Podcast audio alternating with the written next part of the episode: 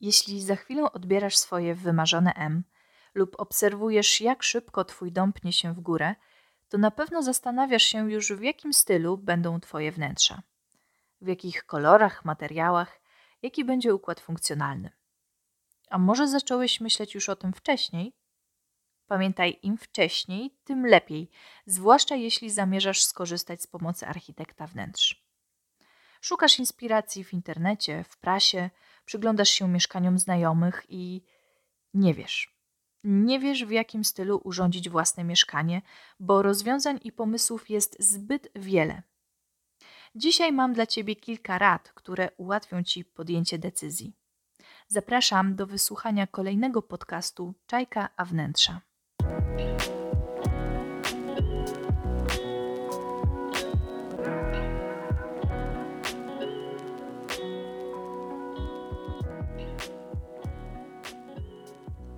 Po pierwsze, pomyśl o sobie.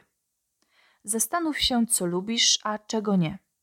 Jeśli chodzi o materiały, kolory, tekstury, ale także i Twoje życie. Na przykład, przyrządzając rano śniadanie, lubisz, kiedy w kuchni gra muzyka. Albo lubisz, gdy budzą cię promienie słońca, więc dobrze, żeby sypialnia miała okna na wschód lub południowy wschód. Przeanalizuj swój codzienny scenariusz dnia.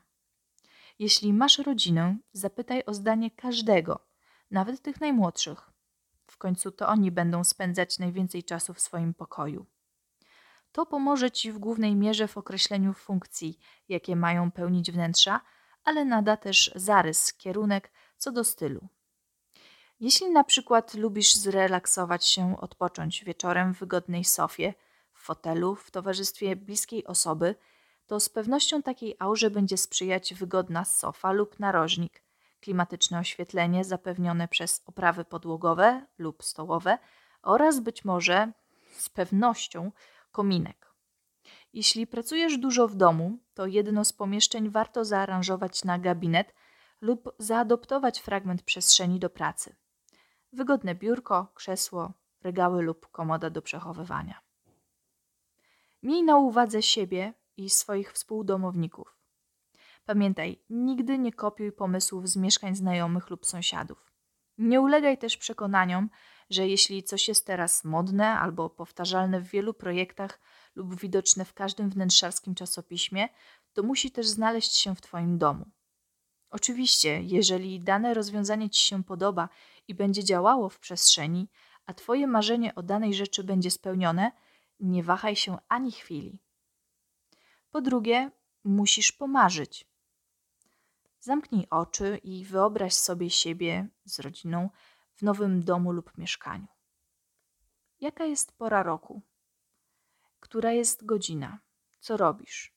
Jakie jest światło? Wschód słońca, może zachód albo południe? Jakie barwy mają ściany? Podłoga jest jasna czy raczej ciemna? A meble? Kuchnia jest sercem domu z dużą wyspą, stołem, czy jest niewielkim aneksem kuchennym.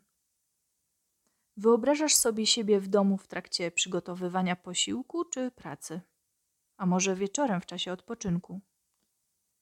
Marząc, wyczuwasz klimat wnętrza. Określ, jakie ono jest, jak się w nim czujesz, chcesz czuć. Sprecyzuj te określenia. Jeśli zacząłeś współpracę z architektem wnętrz, wspomóż się obrazem w dokładnym przekazaniu wyobrażeń projektantowi. Od tego już blisko do wybrania konkretnej koncepcji kolorystyczno-materiałowej. Konkretny styl. Czy to jest konieczne? Stylów w architekturze wnętrz jest całe mnóstwo. Sama historia architektury wnętrz jest zagadnieniem niezwykle ciekawym i pokazującym, że tak naprawdę wiele elementów wyposażenia wraca z tamtych lat lub było modne lata temu. Pojawiają się także nowe style, jak na przykład Hygge, odnoszący się także do filozofii życia. Przejrzenie katalogu ze stylami wnętrz może okazać się pomocne w nakreśleniu kierunku. Bywa jednak, że nie wszystkie elementy wytyczne będą ci odpowiadać a tak zdarza się dosyć często.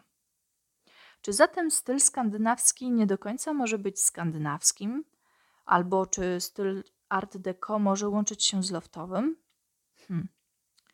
Jako architekt wnętrz uważam, że jeśli przestrzeń ma być w konkretnym stylu, to musi zawierać wyposażenie i materiały charakterystyczne dla tego konkretnego.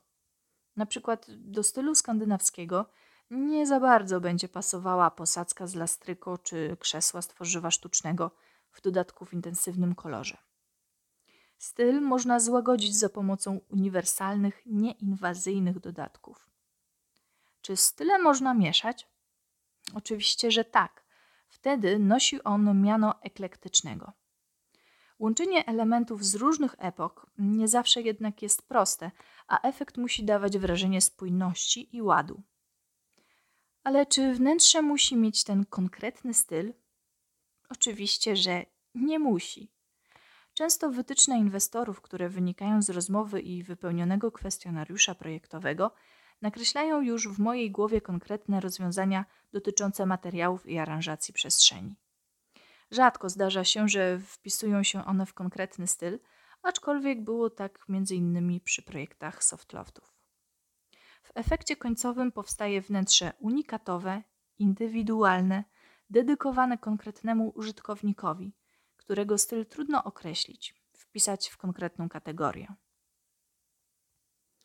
Przy każdym projekcie zachęcam inwestora, aby skupił się na sobie, na swoich wyobrażeniach i marzeniach o wymarzonym domu.